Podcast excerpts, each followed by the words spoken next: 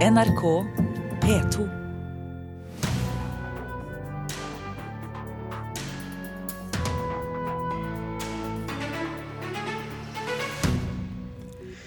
Marcus og Martinus vil sjarmere Tyskland. Da bør de vurdere å lære seg tysk hvis de virkelig vil lykkes, sier norsk veteran i det tyske platemarkedet. Munch-museet kjøpte seg omtale og kalte det en anmeldelse. Dette skader Munch-museets anseelse, mener kurator ved Telemarksmuseene.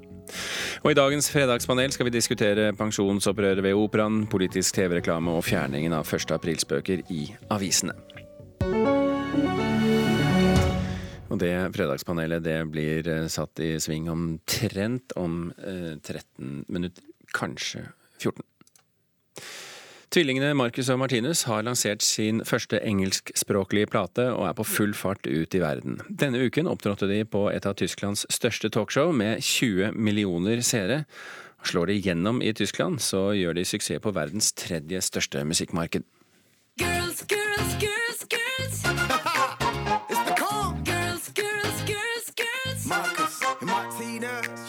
Marcus og Martinus er for tida i Tyskland, hvor de bl.a. har opptrådt på et av landets største talkshow, som har mer enn 20 millioner seere. Jeg vil bare tenke yes, vi har kommet nok langt. Jeg ble så glad at jeg nesten ble kvalm. Sa guttene etter at de vant Melodi Grand Prix Junior i 2012. Og hvis de var så glad at de var kvalm allerede da, så kan det være lurt å legge seg nedpå med både cola og mariekjeks når de nå skal inn i det som er et enormt musikkmarked. Tyskland det er verdens tredje største musikkmarked. Så det er klart at det er et veldig lukrativt marked å komme inn i, men også fordi det er så stort, så 80 millioner mennesker. Sier Audun Molde, som er musikkekspert og førstelektor ved BI. At du har et gjennombrudd i München betyr ikke at du har det i Berlin, for å si det sånn. Eh, Men det at de kommer inn på et stort TV-show nå, betyr jo selvfølgelig masse for det.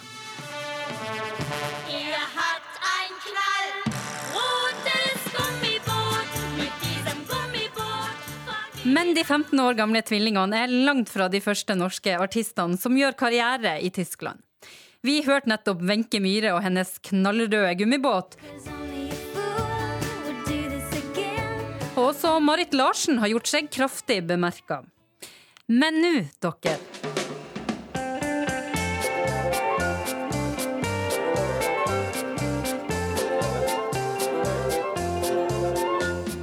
Nå skal vi tilbake til 1971, hvor ei ti år gammel jente fra Sandefjord var A-kjendis i nettopp Tyskland. Det er jo et hav av mennesker du står foran. Jeg husker når jeg var liten, så, så var det jo eh, rene Beatles-tilstander. Sier Anita Hegeland, eller De kleine Anita, som tyskerne døpte henne om til. Det var jo akkurat som Marcus og Martinus opplever det nå. Med 12 og 25 000 mennesker på hvert eneste sted, og rekordoppmøter og Hun ser tilbake på en barndom som var ganske annerledes. Jo, jeg husker vi var inne på Karstadt en gang og skulle handle noe, og da kom jo folk løpende fra alle eh, etasjer når, de, når det gikk rykter om at jeg var i huset, da, så vi måtte jo smugles ut bakveien. og Altså, Det kan jo oppleves også veldig voldsomt, ikke sant. Og det er klart, jeg var jo bare ti, nå har jo de en fordel at de er litt eldre enn meg. Og så tar vi med oss et råd fra Hegeland til tvillingene fra Trofors. Hun har nemlig et eh, ekstra triks for å sjarmere tyskerne. Kjenner jeg dem rett, så vil de gjerne ha Marcus og Martinus nå ut til å synge på tysk i Tyskland på slagermarkedet, for det er enormt stort i Tyskland. Og en av de jentene, det var reporter eh, Kirsti Falk Nilsen. Det var eh, også Mari Sand Malm som hadde vært med å lage denne saken. I dag eh, skriver Dagbladet at Oslo kommune ikke vet om de vil ha kunst av Aksel Valmar Johannessen i gave. Og reporter Mari Sand Malm, dette er, kan du mer om. Ja, Aksel Valdemar Johansen er kanskje ikke sånn eh, superkjent i Norge, men i utlandet så blir han sett på som en kunstner i verdensklasse. Det skriver Dagbladet. Og kunstsamler Håkon Meren han har kjempet for at den norske maleren skal få anerkjennelse i Norge. Og nå vil han gi 20 av Johansens malerier i gave til Oslo kommune, men Oslo kommune vet altså ikke om de kommer til å takke ja. Hvorfor ikke? Altså, Oslo kommune har regler for mottak av kunstgaver, og de må bl.a. ta hensyn til om de kan ta vare på kunsten, og om de kan vise den frem på en god måte. Og Meren sier at han vil gi en pengegave som skal dekke disse kostnadene. Eh, og kulturbyrådet i Oslo Mariann Hansen sier til Dagbladet at kommunen må gjennomføre en forsvarlig saksbehandling, slik, at, slik de gjør ved alle henvendelser om gaver. Ja, og så Fortsette litt om kunst. eh, Mari, Nordnorsk kunstmuseum, eh, de har gode dager for tiden. Ja, De er kåret til Årets museum 2017. Og Årets museum er en nasjonal museumspris som deles ut årlig i forbindelse med det nasjonale museumsmøtet, som ble delt ut i Fredrikstad denne uken. Og den gikk altså til Nordnorsk kunstmuseum fordi juryen mener museet er den nordnorske kunstens kraftmuseum. Og de trekker frem at museet er oppfinnsomt, ambisiøst og viktig. Og de to andre museene som kjempet om prisen, det var Lulesamisk senter i Tysfjord og museene i Sør-Trøndelag. Nå skal vi hoppe til noe fullstendig annet. Vi skal til Eddie Izzard, som nærmest nå har blitt en del av konflikten i Midtøsten. Eh, Det er egentlig ikke det det handler om nå, men han har tidligere eh, spøkt med Midtøstens historie. Vi kan få et lite klipp av det først. Okay, come on, it's gone a bit weird, gone a bit biblical. Come on, lads, let's get down here. And the bush that was on fire said, Moses, come back here. He said, Oh, he knows my name. Hang on. Don't accept sweets from children, all right? What is it, oh bush? Vocative. What is it, oh bush? It's the only time you use the vocative. And the bush went, Moses, you must leave this place. I was leaving it, and you told me to come back to tell me to leave, you stupid bush. You're like the last one we had. Han har altså ikke vært eh, fremmed for å spøke med, med viktige eh, historiske elementer i Midtøsten. Men det er noe annet det handler om nå, Mari? Ja, Han eh, holdt en forestilling i Tel Aviv i Israel i går kveld. Men dette resulterte i at han ikke får lov til å være med og løpe Palestina maraton. Eh, Arrangøren av maraton mener nemlig at han ikke kan være med å løpe for frihet hvis han underholder i Tel Aviv dagen før. Eh, På Twitter skriver han at han ser frem til å delta både i show og maraton, så det gjenstår å se hva det blir til slutt. Konflikter løses jo veldig lett i Midtøsten, har vi skjønt. Munch-museet betaler bloggere og kjendiser for omtale av utstillinger. Men da museet på sin Facebook-side kalte en omtale for en anmeldelse, da ble det bråk. Eh, Du kan kunne høre denne i gåstegn, eh, i gåseøyne, anmeldelsen 25 minutter ut i podkasten til komikerduo Tusvik og Tønne.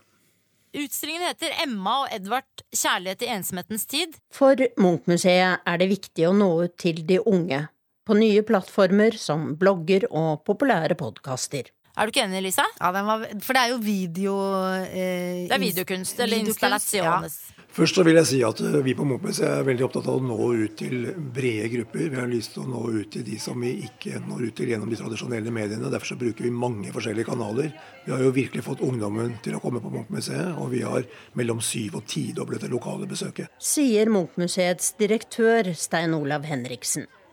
Ifølge nettavisen Minerva betaler Munch-museet mellom 5000 og 40 000 kroner for slike bidrag. Altså, eh, Så har jo hun Mie Ekebal Hun har jo laget en film som heter Madame B.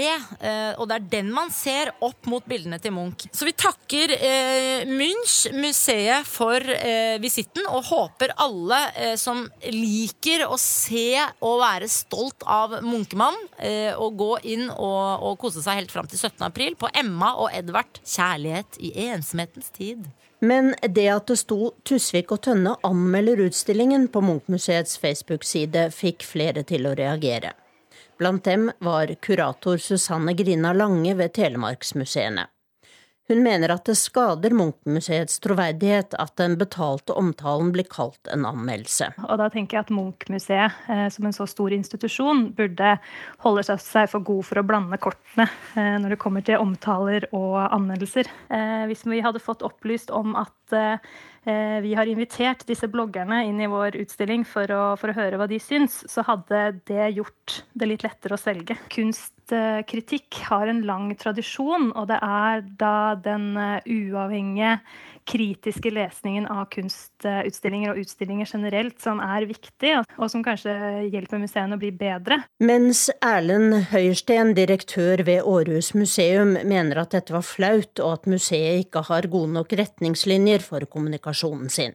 Jeg synes det, det er flaut når, når institusjoner som bedriver kunnskap og kunnskapsutvikling og kunnskapsformidling, ikke klarer å sette en to anførselstegn rundt anmeldelse, f.eks., men presenterer dette som, som noe annet.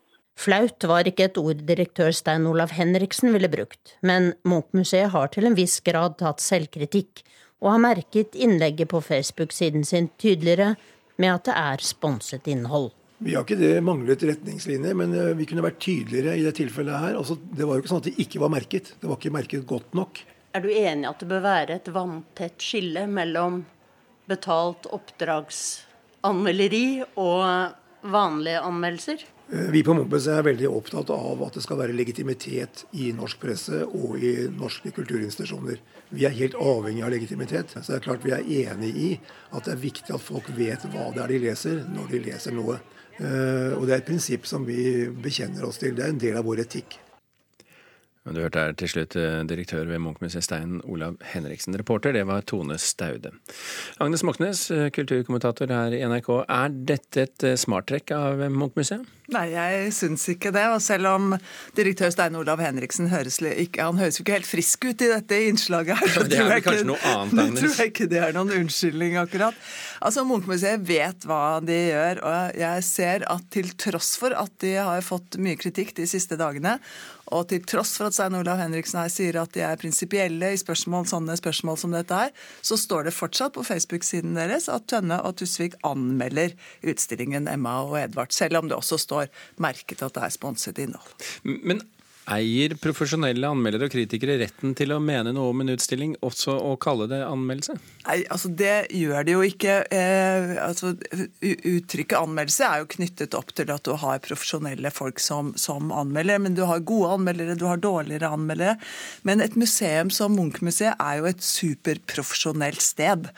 Og museets dyktighet må til enhver tid bedømmes av den kompetente tilskueren, og en slik kompetent tilskuer er jo en anmelder. Så på meg så virker det som om Munch-museet her, her viser fingeren til sine mange anmeldere. Men, men eh, Agnes, dette er jo markedsføring. Er ikke Munch-museet i sin fulle rett til å bygge sin merkevare på den måten de finner best? Ja, men det gjør de jo også. Eh, De er jo kanskje de flinkeste i klassen til å skaffe seg ambassadører. De bruker rappkjefta og flinke komikere, som vi hører her. De inviterer Oslos eh, drosjesjåfører på formiddagsmat. De får besøk av unge og folk fra nabolaget opp.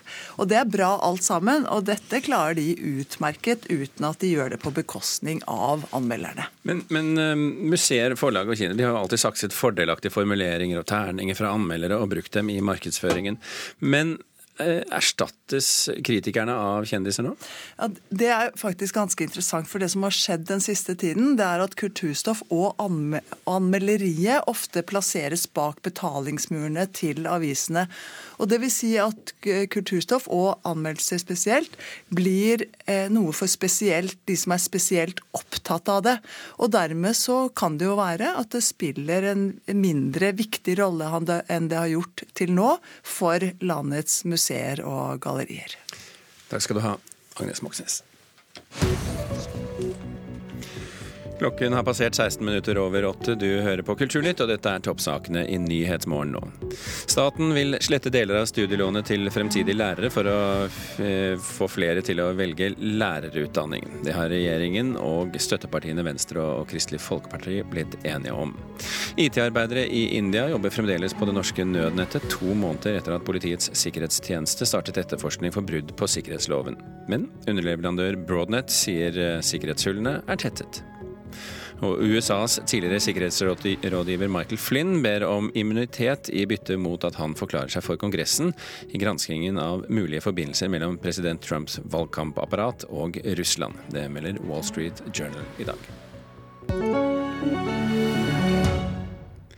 Da har vi rullet ut Fredagspanelets eh, deltakere i studio. Eh, Det er Sigrid Hvitsten, kulturredaktør i Dagbladet. Debut Debut i eh, Fredagspanelet. Veldig stas. Mm. Katrine Sandnes, leder av forlaget Manifest. Og med oss fra studio i Bergen, kulturredaktør i Bergens Tidende, Frode Bjerkestrand. Velkommen alle sammen. God morgen. Du får bare gjøre deg gjeldende, Frode, for du ser jo ikke oss her, og vi ser ikke deg.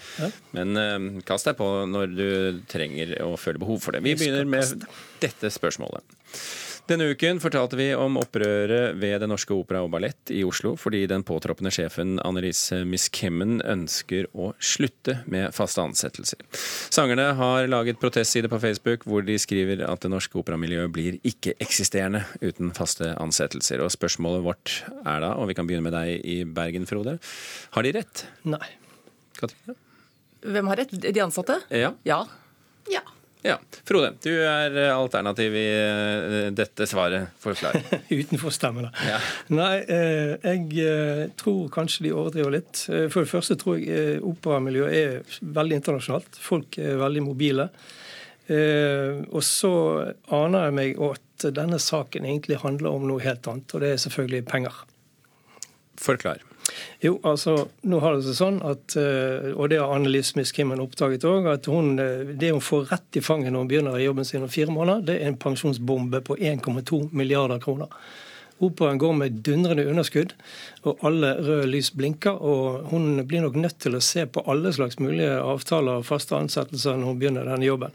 Samtidig skal jo sies det virker litt klønete om hun begynner å, å forhandle særavtaler fire måneder før hun begynner jobben. da. Ja, Hun har vel sine planer. Eh, Katrine, du sa eh, ja. Det er jo helt klart at eh, faste ansettelser er eh, grunnsteinen i eh, menneskers, menneskers opplevelse av trygghet. Det er viktig at et så såpass lite miljø i Norge som operamiljøet har en, et, et kjernested, en kjernevirksomhet, hvor noen, hvor noen er fast ansatt og får utvikle seg videre. Og Det er helt riktig, er helt riktig at problemet, det hovedproblemet til operaen det ligger i eh, pensjonsutgiftene. Denne opera, opera og ballett eh, har eh, særskilte problemer fordi avgangsalderen er så tidlig. De, dette må de løse politisk. De må løse det gjennom politiske eh, forhandlinger eh, og få ha med seg politikerne med at de må få en særordning.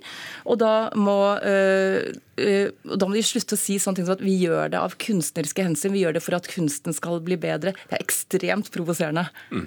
Eh, Sigrid Hvitsten, vi spurte, stilte altså spørsmålet om, om de har rett i at operamiljøet blir ikke-eksisterende. Og da svarte du ja.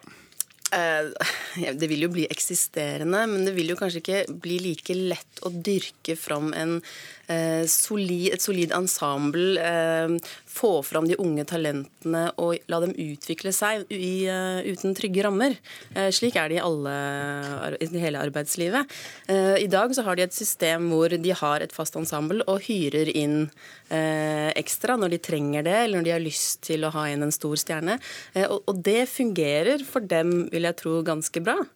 Eh, Det handler først og fremst om pensjonen, dette her, ja. Men, men eh, Bjerkestrand, eh, hele Europa klarer seg jo ganske godt med denne metoden som de sikter seg inn mot nå. Ja, det var Burde ikke det gå i Norge også? Jo da, det går jo i Bergen. Bergen Nasjonale Opera. De leier inn musikere Ja, vi skal ikke lenger enn dit, nei. Flotte forestillinger her med innleide folk, som også er utrolig inspirerende for lokale operamiljø og yngre talenter. Da. Så det fins flere modeller å gjøre dette på. Men som sagt, dette er en, en arbeidskonflikt, en fagforeningskonflikt, der eh, argumenter og, og det blir veldig sterke meninger og støy på begge kanter av eh, denne konflikten her. Og det vi, tror vi ser antydningen til her. Jeg tror eh, kanskje begge parter skal roe seg litt ned og sette seg ved forhandlingsbordet før de konkluderer noe som helst. Nå er ikke operaen ukjent for uh, stor turbulens. Altså, det har jo vært turbulent og dramatikk i arbeidsmiljøet i operaen i alle år. Men det skal jo være på scenen.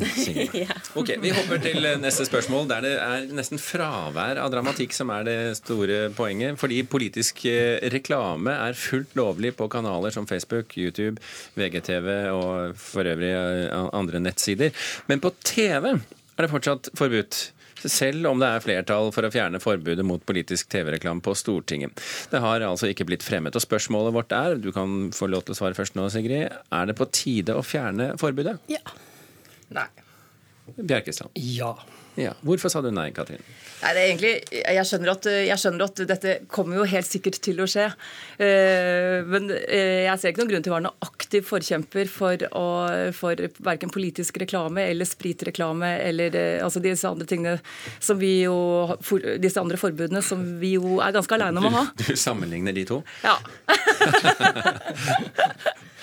Sigrid? Det er jo et forbud som vi har først og fremst fordi vi har det. Altså, vi har politisk reklame på kino og på radio og på Facebook, ikke minst. Eh, så det er ikke noen veldig god grunn å ikke ha det på TV, utenom den gode gamle argumentet med at folk som ser på TV er mye mer mottagelig enn alle de andre som gjør de andre tingene. Og det er litt sånn 1980-tankegang, syns jeg. Men, men Bjerkstrand, det er jo slik at eh, det hevdes også at eh, de som Hvis man åpner for TV-reklame, så vil det være de store partiene med masse penger som tjener på det. Er du eh, enig i det? Nei, jeg er veldig usikker. på, altså Dette er døende forbud, uten tvil. Også fordi lineært TV er i ferd med å dø, og det vet jo alle. Og Det er sikkert derfor stortingsflertallet stortingsflertall liksom plutselig oppdager at de sitter med et flertall for å fjerne dette forbudet. Det viser jo hvor stor den prinsipielle bevisstheten er rundt denne saken akkurat nå. da. Men eh, altså, jeg, hvis jeg var et stort parti, så vil jeg jo selvfølgelig være opptatt av hvor jeg får mest effekt på pengene mine. og Da putter det heller på Facebook enn å bruke fryktelig mye penger på TV 2 f.eks. For, eksempel. for det er også gratis på TV 2 å legge det ut på TV2.no og TV2 Sumo, men ikke på hovedkanalen. Så det er en haug med paradokser mer som er veldig rare. Så dette, dette forbudet er døende. Eh, og kanskje en dag så gidder politikerne ta tak i det. også. Så det er veldig, veldig dyrt med TV-reklame. Eh, Så jeg tenker også at Facebook er jo mye mer eh, økonomisk for partiene. Samtidig så må det jo oppstå en, det må jo være en regulering her. Og jeg er helt sikker på at Medietilsynet klarer å finne en god ordning, slik at det ikke bare er Arbeiderpartiet som pøser ut. Og inntil videre så sitter alle stille i båten, inkludert Katrine Sandnes. Skal jeg forstå det sånn? Ja, nei, jeg, tror også, jeg tror også at dette er dødende. Men, uh, men dette, for å si det sånn det største problemet her er ikke for de politiske partiene. Det er helt riktig at uh, eksempelvis Facebook uh, at du, ser at, du ser hvordan noen partier allerede begynner å bli ganske gode på å bruke sosiale medier. Og der er det faktisk uh, ofte de små partiene som er flinkest til å, til å hive, seg, hive seg rundt. I Danmark også Enhetslisten lagde en fantastisk, fantastisk god reklamefilm. For, for lite penger. Så at, så at dette, er, dette er med et spørsmål skal man, uh, Er det dette vi skal slåss for? Det er fremdeles en Altså, ja, del ja. mennesker over 50 som ser på TV da, her i landet. Så, vi- men, Ja. men nok om det, sier vi da. Så, Men, men det er mer den opplevelsen av at eh, å, skal vi ha dem i pausene også i valgkampen? Ok, Vi hopper til neste spørsmål. Ikke ta humoren og livsgleden vekk fra norske aviser 1. april. Det ba komiker Per Inge Torkelsen om denne uken. Eh, Vi fortalte nemlig at Bergens Tidende kutter den årlige aprilspøken, eh, i tillegg nå til en rekke aviser. Debatten rundt falske nyheter gjør nemlig at mediene er redde for å gamble med sin troverdighet. Og jeg har en viss anelse av hva i hvert fall en av panelistene kommer til å svare i dag, men vi spør nå like fullt alle sammen. Er det riktig å la redselen for falske nyheter vinne over aprilspøken, eh, Bjerkestrand? Og Fryktelig retorisk spørsmål, men jeg, eh, jeg sier betinget ja, da. Sandnes. Nei. Hvitsten. Eh, Jeg tenker at det kanskje ikke handler så mye om falske nyheter som det handler om hva man ønsker å formidle til eh, leserne sine. Da. At jeg tenker at det er helt riktig å ikke ha aprilspøk, for at man da formidler noe som ikke er riktig. Altså faktisk feil til leserne. Og det er et problem. Men jeg går etter svaret en gang til. Fordi at det som er det store problemet her, er ikke det at vi ikke kommer med en vits 1. april. Det store problemet er egentlig at norske medier ikke har så veldig mye humor om dagen. Det er veldig mye som er strigla. Eh, Og det er noe vi burde snakke om. Er det der vi er nå, Katrine? Ja, altså, Jeg har jo egentlig aldri syntes at de der aprilspøkene har vært særlig morsomme. For, rett og slett fordi det er for få. Eh, Som, eh, altså det er nesten ingen. Det er årevis mellom at man har en ordentlig god aprilspøk. Så hvis det hadde vært grunnen, eh, grunnen til at man hadde lagt ned Sorry, vi klarer ikke å være morsomme nok. så hadde det vært Men det å, liksom, det å si at nå er det så mye fake news at nå, at nå legger vi ned aprilspøken, altså, det er ikke der problemet ligger. Så, altså. så du er enig i at de gjør det, men ikke i argumentasjonen? Ja, de må gjerne, jeg, tenker, jeg tenker at Det som skal bestemme om du skal ha en aprilspøk eller ikke, det er kvaliteten på spøken. Mm, ja. Hvor, hvor, hvorfor har dere blitt så humørløse i Bergen? Ja, eh? nei, Vi er jo vittige hele tiden, det vet jo alle. Men eh, det som er poeng, altså For to år siden så hadde vi en aprilspøk der vi erklærte at uh, Brann stadion etter nå skal hete BT Arena. Bergens Tidende kjøpte opp hele stasen. Vi ble ikke så veldig populære på det akkurat. Mildt. Så- Var det noen som trodde på det? Nei, det er jo alltid noen som blir sure og kjefter. Men poenget er at jeg tror ikke aprilspøk har den store mobiliserende effekten lenger. Altså Du får ikke folk ut, gå ut i gatene med bøtter og spann for å hente billig øl på butikken og sånne ting. Eh, Så det er vanskelig å konstruere en virkelig sånn god, eh, omfattende spøk for, som omfatter liksom alle. Eh, Men det er jo, jeg syns jo dere har rett over. Altså det, det er litt gravalvor over oss for tiden, ja. Vi Men, men, men argumentet her er jo knyttet til falske nyheter. At det er stadig vanskeligere å, å hegne om troverdigheten når det er så mye uh, usant som kommer uh, frem. Og da er spørsmålet er det et godt argument? Ja, altså Jeg tror ikke Facebook-Høyre ville ha grisebanket oss hvis vi produserte en uh, aprilspøk. Det er liksom ikke der problemet ligger. da. Hvor ligger problemet, som du ser det? Nei, Det er en helt annen uh, kamp om uh, virkelighetsfremstilling. Om at statistikk og fakta ikke har den samme tyngden lenger. Vitenskap blir dratt i tvil. Dette ser vi jo strålende eksempler på nå både i USA og i, i Storbritannia. I veldig store politiske omveltninger. Og det er jo faktisk saker som krever mye gravalvor, da, men jeg. Eh, Skjønner du frykten i PC-en, eh, Katrine, du som står utenfor? Ja, ja, men, eh, men det er jo ikke her det ligger. Altså, Det ligger jo ikke i, i, i, en, i en aprilspøk. Det er jo ikke der alvor, alvor ligger. Men, men det som jo er, er et problem, skal, altså, som jeg tror, tror er et problem for alle, for alle verdens hu, eh, komikere for tiden, og komikere og humorister, det er jo at man klarer jo ikke å toppe virkeligheten. Nei. Er det der vi er, eh, ender opp i argumentet, Sigrid? Nei, altså Dagbladet har ikke hatt aprilspøk eh, noen gang. Eh, så det ikke, vi føler ikke at dette er noe, et stort problem for oss. Det er ikke men- din kampsak? Nei, det er ikke min kampsak. Men, eh, men jeg er opptatt av at det skal være humor i mediene. At, eh, at eh, intervjuer skal ha vidde og eh, snert. Og at man kanskje kan komme med artige småspalter og den type ting. Eh, og det Spre- syns jeg er trist at er i ferd med å forsvinne. Og vi ser det mye mye mindre og mindre og mindre fordi at alle er så pressa, og da er det ikke humoren som eh, vinner. Spre humoren ut overalt. Det, er, eh, det var oppfordringen fra dagens fredagspanel. Vi gjorde vårt, men nå er det slutt. Katrine Sandnes, Sigrid Hvitsten og Frode Bjerkestrand, takk for at dere var våre panelist- panelister. Thomas Alvarstein Ove, Birger Kåss Jåsund takker for følget. Hør flere podkaster på nrk.no podkast.